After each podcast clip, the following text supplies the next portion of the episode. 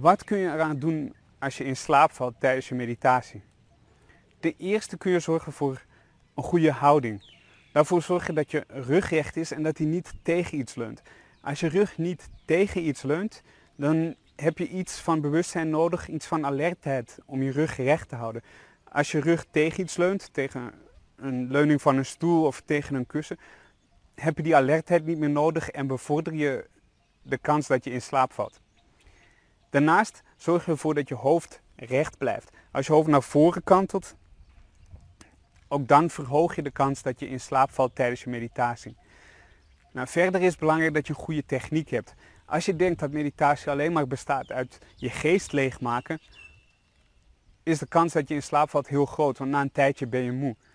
Het is goed als je een goede meditatietechniek hebt waarbij je concentratie vasthoudt op een bepaald iets. Het kan zijn een mantra, je ademhaling. Dat soort meditatietechnieken vermijden dat je in slaap valt.